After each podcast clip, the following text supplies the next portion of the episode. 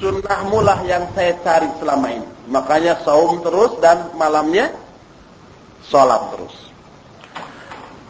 Qala lalu Rasulullah SAW berkata, fa inni anamu wa usalli wa asfihun nisa.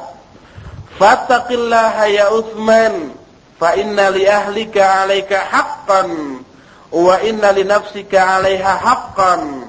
Fasum waftir wa salli wa num. Kata Nabi Shallallahu Alaihi Wasallam, maka sungguhnya kalau kamu mencari sunnahku, aku tidur, aku pun sholat. Tidak sholat semalaman, sehingga istrinya ditinggalkan tidak tidur, itu menjadi sunnah. Sebaliknya juga tidak tidur semalaman. Tapi tidur dan sholat. Aku saum, tapi aku pun berbuka. Dan aku menikahi para wanita. Maka bertakwalah kepada Allah hai Utsman karena sesungguhnya istrimu punya hak atas dirimu. Dirimu pun punya hak atas kamu. Maka saumlah tapi berbukalah. Salatlah tapi tidurlah. Hadis ini sahih dikeluarkan oleh Imam Bukhari dan Muslim dalam dua kitab sahihnya. Demikian juga ulama lainnya banyak menguriatkan hadis ini. Kayaknya air nggak ditutup tuh. Maka apabila seorang wanita mendapati suaminya demikian, suaminya cuek kepada dirinya, seorang wanita yang cerdas, fadzakiyatu minhunna, hiyallati taztadibuhu hiyallati taztadibuhu ilaiha ka'an tatajammala lahu wa tatazayyana wa nahwa dhalik. Maka seorang wanita yang cerdas dia akan melakukan upaya untuk menarik perhatian suaminya agar suaminya minimalnya ngelirik kepada dia. Dengan cara dia berdandan untuk suaminya. Bersolek untuk suaminya. Dan barangkali salah satu sebab suaminya cuek kepada dia karena memang tidak menarik. Melihatnya malah ingin batuk. Bertemunya malah mengundang bersin. Umpamanya. Sehingga cueklah sang suami. Wanita yang cerdas akan introspeksi, oh barangkali saya penampilannya kurang menarik. Cepat mandi. Beli sabun yang harum parfum parfum yang harum cepat bersolek di hadapan suami. Sehingga dengan ini sang suami menjadi tertarik. Seorang wanita pernah berkata kepada Nabi wasallam, "Ya Rasulullah, innal mar'ata idza lam tatazayyan li zawjiha salafat indahu." Wahai Rasulullah, kalau seorang wanita tidak menghiasi dirinya untuk suaminya, maka wanita ini akan solafat di hadapan suaminya. Solafat itu maksudnya sakulat wa karihan nazar ilaiha. Jadi suaminya itu enggan nggak mau ngelirik-lirik acan kepada istrinya. Apalagi lebih dari melirik nggak mau dia. Kalau tidak berdandan. Hadis ini sahih dikeluarkan oleh Imam Ahmad dan Imam An-Nasai. Aisyah radhiyallahu anha dia melakukan satu upaya untuk menarik perhatian Rasul sallallahu alaihi wasallam. Suatu saat Nabi SAW masuk menemui Aisyah, maka dilihat Aisyah itu mempunyai hiasan di dalam tubuhnya yang terbuat uh, min warakin dari daun-daunan atau kertas atau kain. Lalu Nabi SAW berkata, Mahada ya Aisyah? Apa ini ya Aisyah? Aisyah menjawab, Sona'tuhunna atazayyanu laka ya Rasulullah. Saya membuat ini uh, untuk menghias diri saya untukmu, hai Rasulullah. Supaya Rasul SAW senang dengan penampilannya. Hadis ini pun sahih dikeluarkan oleh Imam Abu Dawud dan Ad-Daruqutni serta Al-Hakim dan yang lain-lainnya. Selain itu maka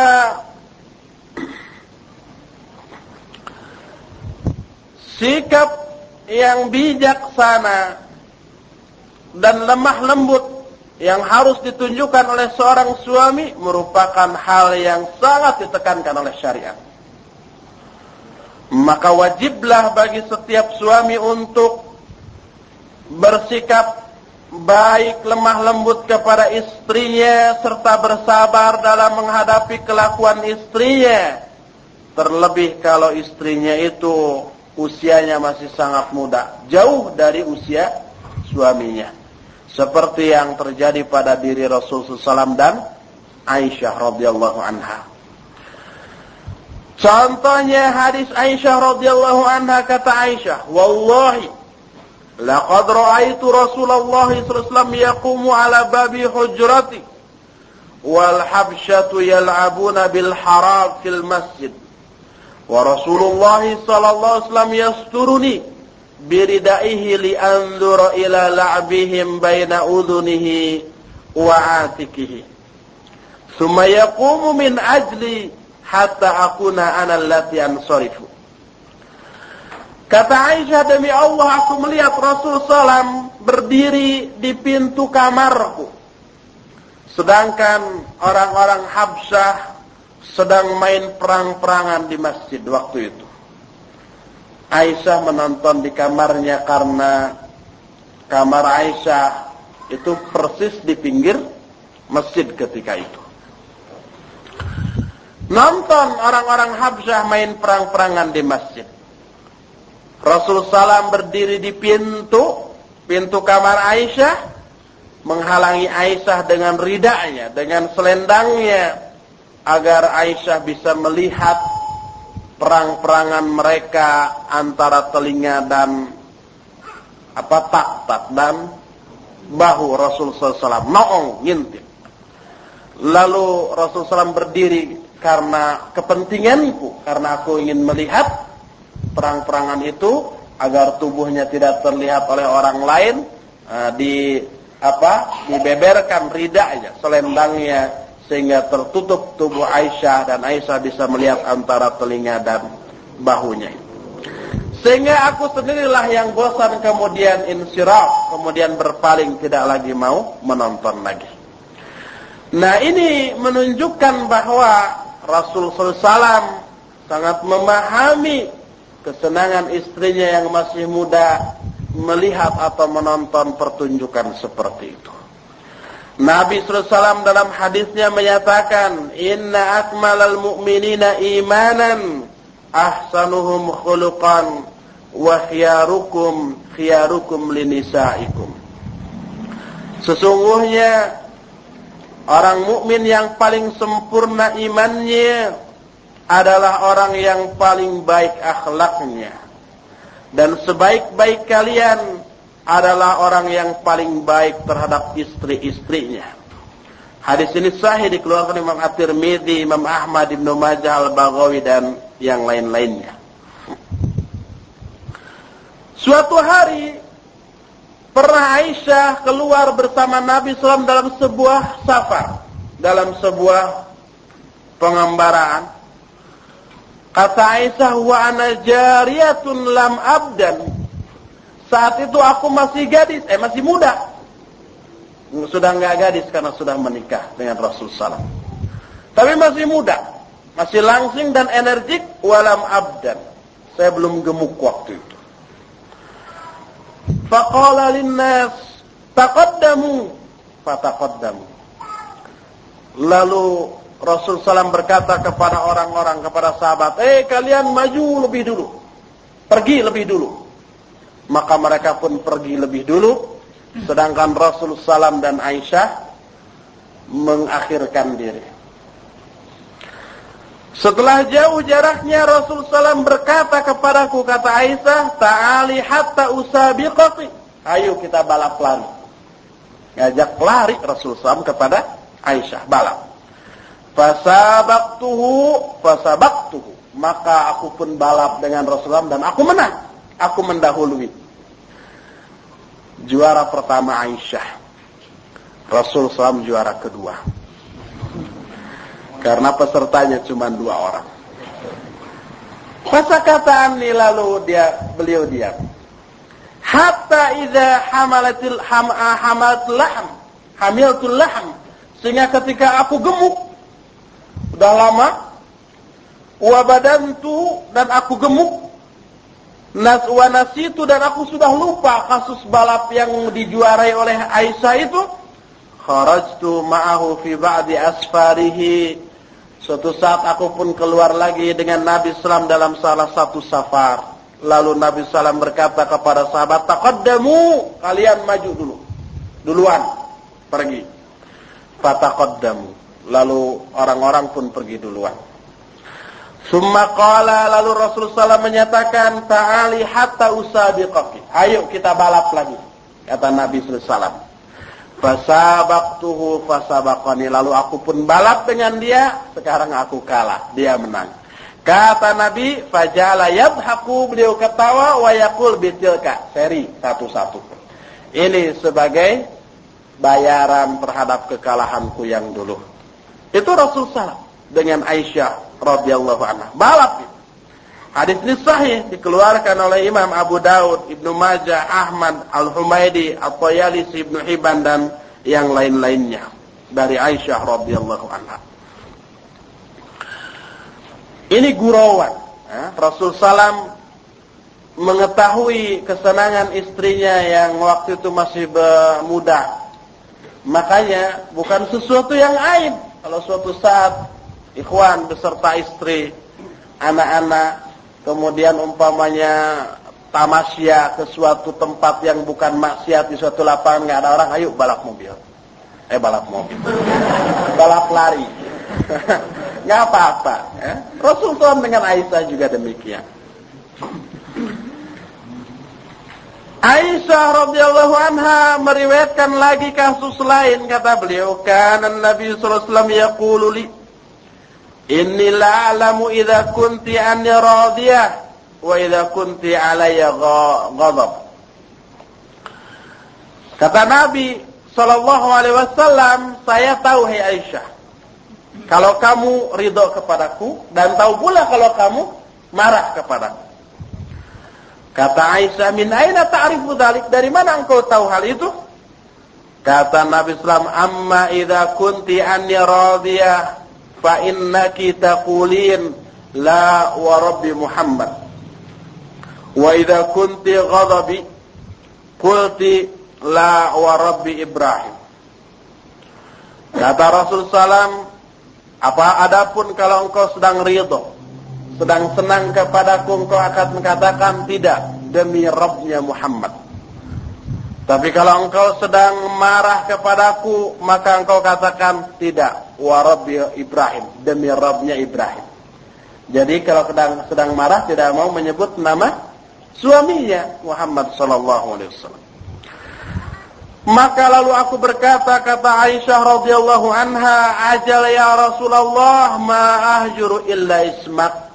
Sejak sekarang wahai Rasulullah saya tidak akan menyebut ketika sumpah kecuali menyebut namamu. Itu Aisyah radhiyallahu anha menyatakan demikian dalam sebuah hadis yang diriwayatkan oleh Imam Bukhari dan Muslim. Termasuk juga di antara kesempurnaan iman seseorang, seorang suami menafkahi istrinya atau keluarganya dan tidak bakhil, tidak kikir, tidak sedit sehingga menyia-nyiakan keluarganya. Karena kikir kepada keluarga termasuk a'zamu dzulmi kedoliman yang sangat besar. Ini berdasarkan hadis dari Abdullah bin Amr radhiyallahu anhuma secara marfu Rasul SAW menyatakan kafa bil mar'i ithman ayyudayya man yaqut Cukuplah seseorang itu dianggap berdusta, eh berdusta, berdosa apabila dia menyia-nyiakan orang-orang yang ada dalam tanggungannya. Hadis ini sahih riwayat Imam Abu Daud, Ahmad, Humaydi dan yang lain-lainnya. Maka apabila seorang suami kikir terhadap hartanya, tidak mau memberikan kepada keluarga dan istrinya, maka seorang istri boleh mengambil harta suaminya tanpa sepengetahuan suaminya, tetapi dengan cara yang ma'ruf, niat yang ma'ruf untuk memenuhi kebutuhan istri dia dan anak-anaknya, bukan dengan maksud istilaf. Istilaf itu merusak baik bisnis suaminya ataupun kekayaan suaminya. Karena kalau dengan niat merusak itu jarimah, kriminal dan itu tidak boleh. Umpama wah ini untuk modal nih, dagang. Ambil semuanya biar bangkrut. Ini salah. Ini berdasarkan hadis Aisyah radhiyallahu anha. Kata Aisyah, qalat Hindun ummu Muawiyah li Rasulillah sallallahu alaihi wasallam. Inna Abu Sufyan rajulun syahihun fahal alaya junahun an akhudha min malihi sirran? Qala khudhi anti wa banuki ma yakfiki bil ma'ruf. Kata Aisyah telah berkata Hindun ibunya Muawiyah istrinya Abu Sufyan. Hindun berkata kepada Rasul sallam Sesungguhnya Abu Sofyan seorang laki-laki yang kikir. Siapa Abu Sofyan? Suaminya Hindun. Maka boleh enggak? Apakah aku berdosa enggak kalau aku me mengambil harta Abu Sofyan secara sembunyi-sembunyi, secara diam-diam tanpa sepengetahuan suami? Kata Nabi SAW, ambil olehmu dan anak-anakmu sekedar untuk mencukupkan kalian bil ma'ruf dengan cara yang ma'ruf. Ini menunjukkan bolehnya seorang istri mengambil harta suaminya tanpa sepengetahuan suaminya, tapi sekedar untuk memenuhi kebutuhan diri dan anak-anaknya. Kecuali kalau semua kebutuhan sudah terpenuhi semuanya, nih sehari dikasih sejuta masih kurang dia masih kada kodok kepada dompet suaminya. Ketemu dua juta. Diambil lagi. Nah, ini kata orang Jepang kacida. kacida itu artinya keterlaluan. Orang-orang yang kurang ilmunya menyatakan hadis ini bertentangan dengan sabda Nabi sallallahu alaihi wasallam yang lainnya yang menyatakan adil amanata ila man i'tamanaka wala takhun wala takhun man khanak Hadis lain yang bertentangan dengan hadis Hindun itu kata orang yang kurang ilmunya tadi berbunyi tunaikan amanah kepada orang yang mengamanatkan kepadamu dan jangan kamu berkhianat terhadap orang yang mengkhianatimu. Hadis ini sahih riwayat Abu Daud, At-Tirmidzi dan Ad-Darimi. Bahkan Imam Bukhari pun meriwayatkan tapi bukan dalam sahihnya tapi dalam Al-Kabir.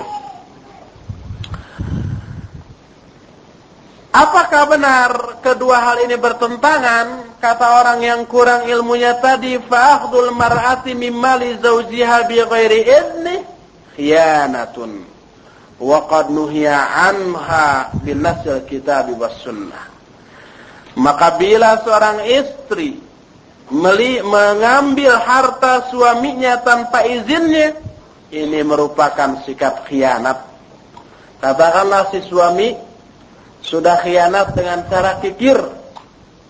Kalau si istri mengambil harta tanpa izin suami juga sama-sama khianat. Hadis tadi menyatakan wala tahun man khanak jangan kamu berkhianat kepada orang yang mengkhianatimu. Suami khianat kepada istri, istri jangan balas dengan pengkhianatan. Maka hal itu terlarang berdasarkan kitab dan sunnah. Itu katanya. Fanaqulu wabillahi taufik maka kita jawab Laisal amru kama tawahhamu Makna hadis tadi tidaklah seperti yang mereka fahami. Fama aradahu Nabi sallallahu alaihi wasallam fi hadis Hindin ghayra ma aradahu fil hadis al-akhar. Maka Maksud ucapan Nabi SAW dalam hadis Hindun tentu saja tidak bertentangan dengan ucapannya pada hadis yang kedua tadi. Wa qad dzakara ulama anna man kana lahu haqqun ala ghairihi yamna'uhu iyyahu fa dhafara min malihi bi syai'in jaza lahu ay yaqtadi minhu haqqahu. Para ulama telah menyebutkan Sesungguhnya barang siapa yang mempunyai hak terhadap orang lain, tapi orang lain itu menahan haknya, menahan hartanya dengan salah satu cara, maka boleh bagi dia untuk menuntut haknya kepada orang tersebut.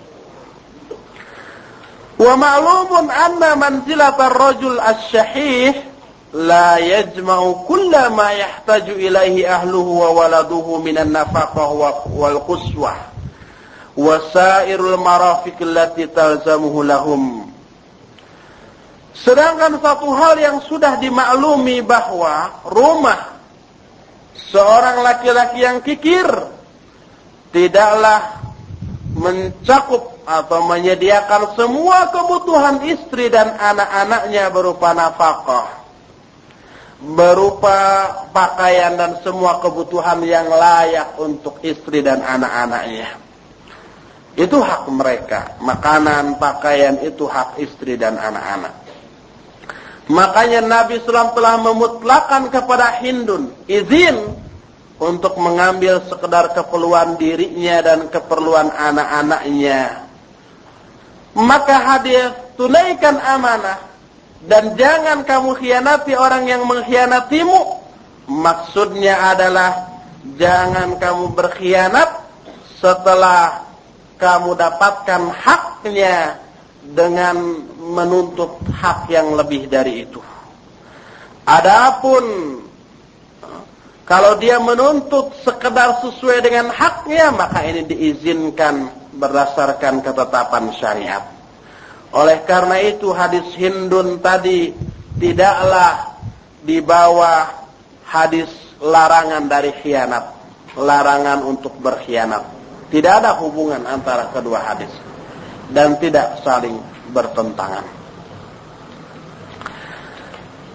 Maka sikap bijaksana kepada para wanita merupakan akhlak seorang muslim yang berakal Kadang-kadang terjadi sesuatu yang apabila menimpa laki-laki tidak menjadi masalah. Tapi ketika diceritakan kepada istrinya, hal ini menjadi masalah yang sangat besar.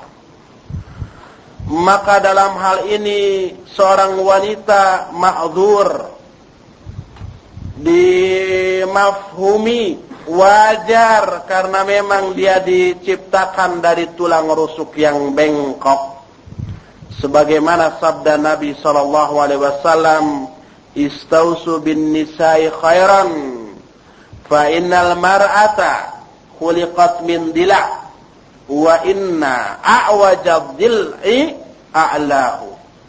Fa in fa in dhahabta tuqimuhu kasartahu wa in taraktahu lam yazul a'waj fastausu bin nisa'i khaira Berwasiatlah kalian terhadap para wanita dengan kebaikan karena seorang wanita diciptakan dari tulang rusuk dan sebengkok-bengkok tulang rusuk adalah yang paling atas kalau engkau mencoba berusaha meluruskannya secara paksa tulang rusuk itu, maka engkau akan mematahkannya. Patah, paksa luruskan, letok, patah. Tapi kalau engkau membiarkannya, tetaplah tulang rusuk itu dalam kebengkokannya. Maksudnya mendidik si istri tidak boleh saklek, to the point, harus rubah seketika, tapi tidak boleh juga dibiarkan secara bebas. Harus diluruskan sedikit demi sedikit. Hadis ini sahih dikeluarkan oleh Imam Bukhari dan Muslim dan At-Tirmidzi serta Imam Ahmad dan Ad-Darimi serta yang lain-lainnya yang menunjukkan bahwa harus sabar serta ulet tabah di dalam menghadapi sikap istri. Ada lagi salah satu hal yang dimiliki oleh istri yang hal ini kadang menjengkelkan suami, kadang juga menyenangkan suami. Yaitu sikap ghirah. Tahu ghirah? Sikap cemburu. Ya, cemburu ini kadang bisa menyenangkan suami kalau dicemburui. Itu kadang-kadang senang. Tapi kalau cemburunya tidak pada tempatnya, kadang-kadang kesal. Sikap cemburu ini merupakan watak wanita yang memang wanita diciptakan di atas watak itu. Kadang waqad tugharu li adaqil asbab wa atfahiha. Kadang-kadang si wanita cemburu karena sebab-sebab yang kecil, yang remeh, yang sepele. Maka fa'ala ar-rajul ayyura'iya dzalika wa la yata'assafu fi taqwimiha. Bagi setiap suami harus memperhatikan hal ini dan tidak boleh mengabaikannya. Wahada illam natamada fi riwayatnya. Ini kalau si istri itu tidak terus menerus di dalam sikap penyimpangannya. Wa illa falikulli maqamin maqal. Kalau terus menerus maka setiap setiap kasus pasti ada ada tuntunannya dari syariat Islam sebagai jalan keluar dari hal itu.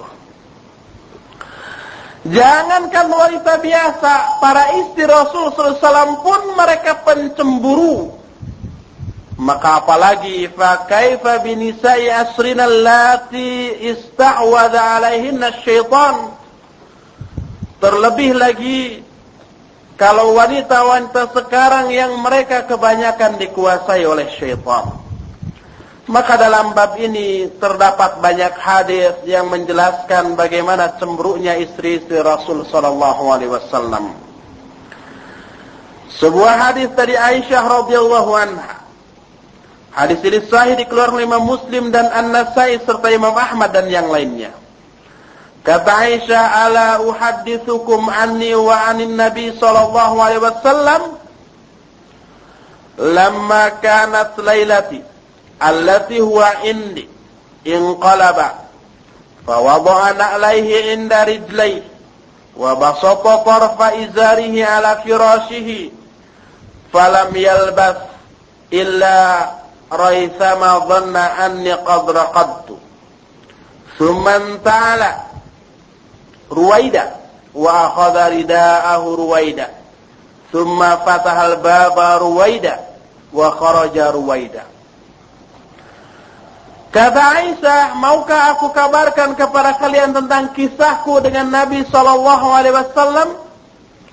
Suatu saat pada malam ketika Rasul Salam giliranku ketika gilirannya bermalam di kamarku beliau berbalik ketika tidurnya lalu meletakkan kedua sendalnya di dekat kedua kakinya lalu menghamparkan ujung sarungnya di atas tempat tidurnya dan tidak tidur kecuali sebentar Beliau menyangka aku sudah tidur. Kata Aisyah. Lalu beliau memakai sendal perlahan-lahan. Mengambil ridaknya, selendangnya juga perlahan-lahan. Lalu membuka pintu perlahan-lahan dan keluar dari rumah perlahan-lahan juga. Kata Aisyah, "Faja'altu dir'i fi ra'si wa ikhtamartu. Wa taqana'tu izari wantalaqtu fi ithrihi hatta ja'al baqi. Farafa yadayhi thalatha marrat fa'atal. Saat itu dir dir dirun uh, pakaian dalam wanita yang biasa dipakai oleh orang Arab pakaian dalam itu ya udah ada kerudung udah ada uh, daster kayak begitu itu biasanya dalam rumah kalau keluar dilapis lagi dengan jilbab saat itu pakaianku ada di sebelah kepalaku. Lalu aku pakai, ya. Lalu aku ambil sarung dipakai untuk melapisi kemudian. Lalu aku pergi me, me, menguntit, menguntit Nabi Shallallahu Alaihi Wasallam dari belakang. Sampai datang ke Baki. Baki itu adalah kuburan para sahabat di samping Masjid Nabawi, di samping di Madinah tentu saja. Lalu beliau mengangkat kedua tangannya tiga kali dan beliau sangat panjang berdoa sambil mengangkat kedua tangan itu.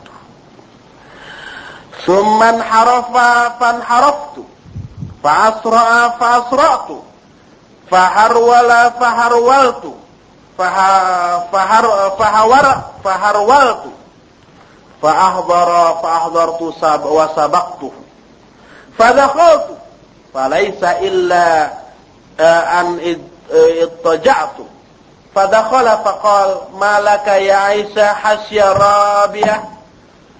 قالت لا qal litukhbirinni aw liyukhbirani al-latiful khabir قلت يا رسول الله بأبي أنت وأمي. فأخبرت الخبر فأخبرته الخبر. قال أنت السواد الذي رأيت أمامي؟ قالت نعم. فلهزني في صدري لهزة أوجعتني ثم قال أظننت أن يحيف الله عليك ورسوله؟ قلت مهما يكتم الناس فقد علمه الله. قال فإن جبريل أتاني حين رأيت.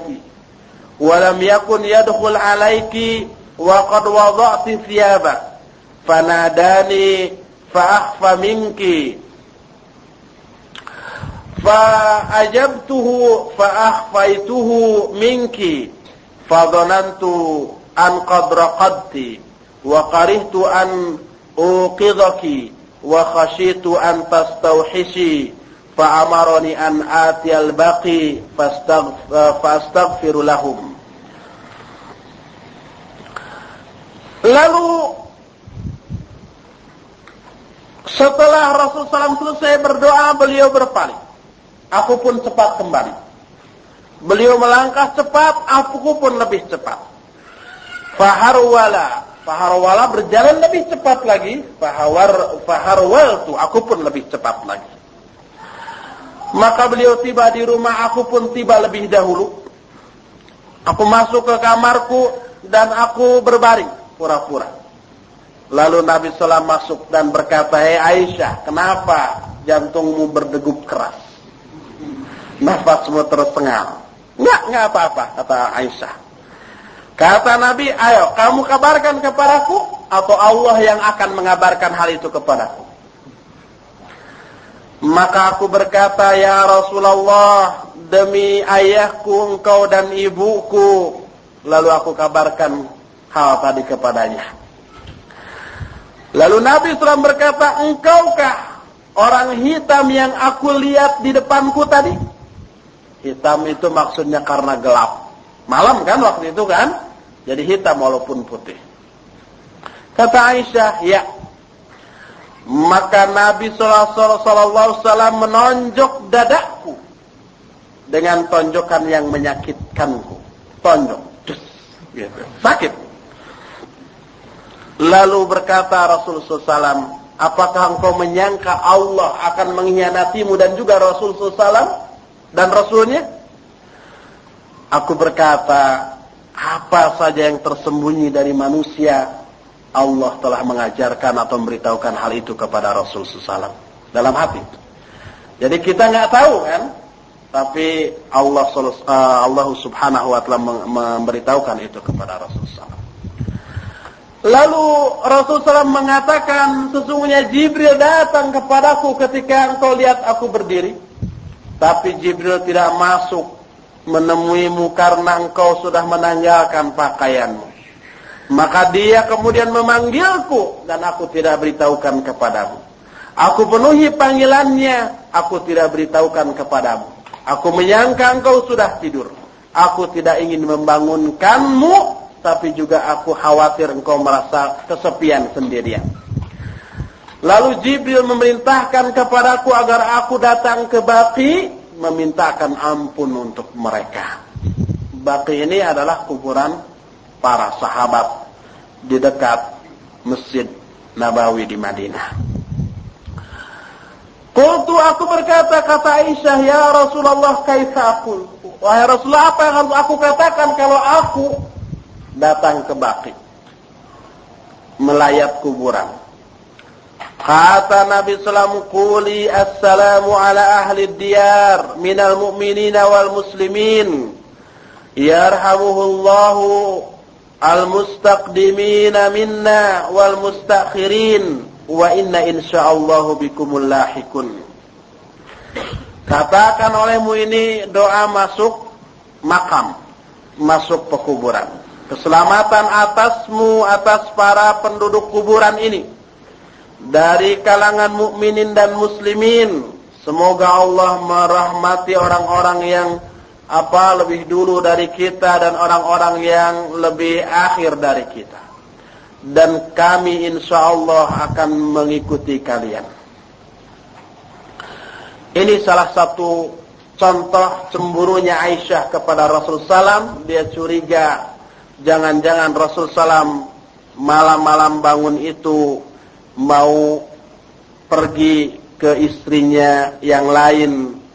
Sebagaimana ini dijelaskan di dalam ta'lik di dalam pahasya kitab ini Aisyah menyangka bahwa Nabi Sallam pergi keluar itu untuk menemui istrinya yang lain. Cemburu dia lalu diikuti. Kisah lainnya masih dari Aisyah radhiyallahu anha kata Aisyah Iltamastu Rasulullah SAW fa'adkhaltu yadi fi sya'ri. Suatu saat aku meraba-raba kepala Rasul sallallahu alaihi wasallam. Lalu aku masukkan tanganku ke rambut Rasul sallam. Rambut Rasulullah gondrong ketika itu dimasukkan. Ah, lalu Rasul sallam mengatakan, "Qad ja'aki syaitanuki?" Apakah telah datang kepadamu setanmu? Maka aku menjawab kata Aisyah, "Ammalaka syaitan? Apakah engkau juga punya setan?" Faqala Rasulullah menjawab, "Bala, walakinallaha a'anani alaihi fa'aslama." Ya, aku pun punya setan. Akan tetapi Allah menolongku dalam mengalahkan setan itu, lalu dia pun Islam. Hadis ini sahih riwayat Imam Muslim An-Nasai dan Abu Daud At-Tayalisi.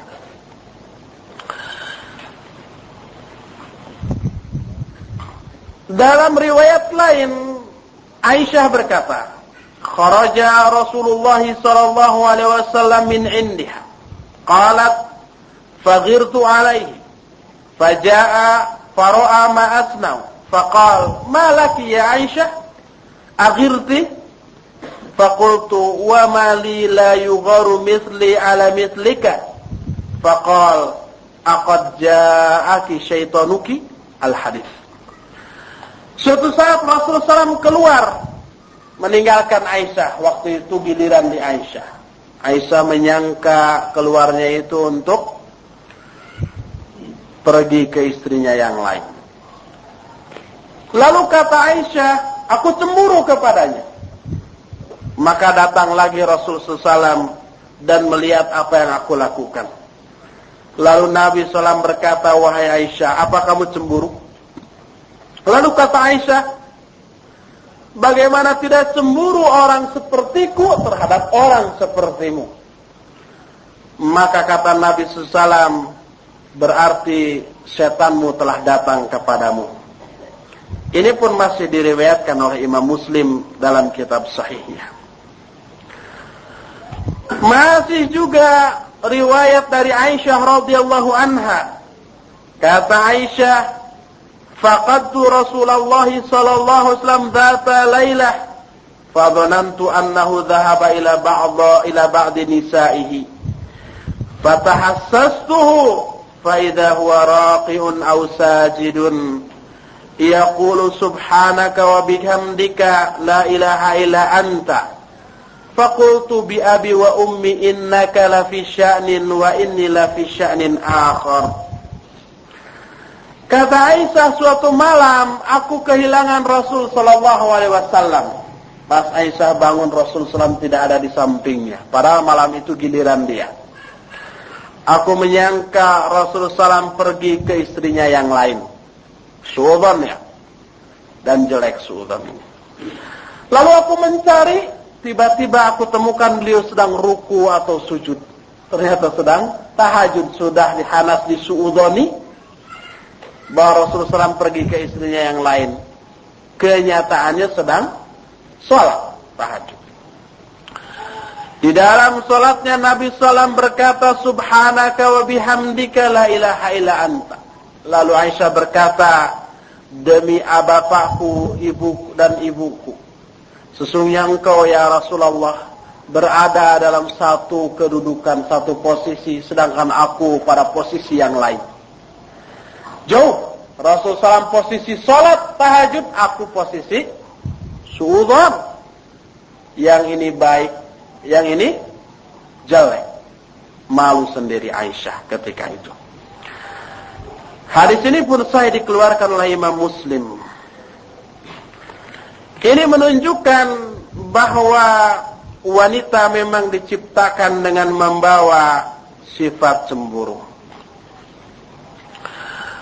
Boleh bagi suami untuk berdusta terhadap istrinya untuk mendapatkan keriduan atau menyenangkan istrinya dan untuk lebih memperdalam cinta dan kasih sayang antara suami istri itu.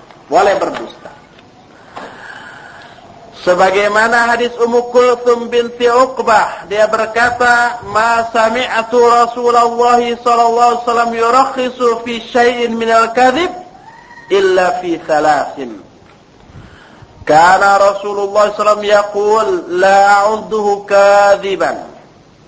Ar-rajulu yuslihu bainan nas يقول القول ولا يريد به إلا الإصلاح والرجل يقول في الحرب والرجل يحدث امرأته والمرأة تحدث زوجها Kata Ummu Kulthum binti Uqbah, aku mendengar Rasul Salam memberikan rukhsah atau memberikan dispensasi untuk berdusta Ah, Rasulullah SAW tidak pernah memberikan dispensasi untuk berdusta kecuali dalam tiga hal. Kata Rasulullah SAW, aku tidak menganggap ini sebagai dusta. Tiga hal itu adalah seorang laki-laki mau mengislahkan antara dua orang manusia yang bermusuhan. Dia berkata satu perkataan yang dusta untuk mendamaikan antara keduanya dan dia tidak ada maksud lain kecuali agar islah. Si A dan si B bermusuhan. Kata kita, B, si A, anak tadi ketemu si A kirim salam untuk antum. Dia memuji-muji antum. Nah, ini kan bohong padahal tapi untuk islah dan sebaliknya. Kedua, seseorang yang berkata tentang kebohongan untuk kepentingan perang strategi Ya, hei kamu katakan sebarkan satu saywar begini-begini kita kekuatannya satu miliar orang pada cuma sepuluh orang. Ini juga dusta. Tapi untuk perang boleh. Al-harbu khid'ah di dalam hadis. Perang itu tipu tipu daya. Dan Rasulullah sering menipu dalam peperangan sehingga musuhnya tertipu. Mengirim pasukannya ke arah utara. Orang nyangka padahal musuhnya di sebelah selatan ngapain ke utara gue kan di sini kan gitu tiba-tiba tanpa diketahui berbalik arah dan sudah menyerang. Kan begitu. Itu tipuan. Dan itu boleh. Dan yang ketiga seorang laki-laki yang berbicara memuji kepada istrinya dan istrinya pun memuji kepada suaminya tapi dengan pujian yang dusta. Kamu ini dengan artis mana pun tidak ada yang mengalahkan kamu lebih cantik umpamanya. Padahal kalau dinilai nilainya empat. Ini dusta. Tetapi itu boleh. Pas ditanya masakannya gimana enak, luar biasa di restoran nggak akan ada makanan kayak begini luar. Dengan nada memuji, padahal nggak enak umpamanya. Pas dicoba oleh istrinya, wah ini keasinan. Saya sudah lama nggak makan yang asin sekali. Kebetulan sekarang ada yang asin luar biasa nikmat. Itu berdusta. Padahal nggak enak. Tapi untuk menyenangkan istri ini boleh, gitu ya, boleh. Berkata Imam An-Nawawi, eh, hadis yang barusan itu sahih diriwayat Imam Bukhari, Muslim dan Abu Daud dan yang lainnya. Kata An-Nawawi dalam sarah sahih Muslim, wa amma kadhibur rajuli li zawjatihi wa kadhibuha lahu fal muradu bihi fi idharil wuddi wal wa'd bima la yalzamu wa nahwa dhalik. Fa amal mukhada'ah fi man'i haqqi uh, haqqin alaihi aw alaiha aw akhdhi ma laysa lahu aw laha fa huwa haramun bi ijma'il muslimin. Kata Imam An-Nawawi adapun dustanya seorang suami kepada istri dan sebaliknya dustanya seorang istri kepada suami maksudnya sekedar untuk menampakkan cinta dan kasih sayang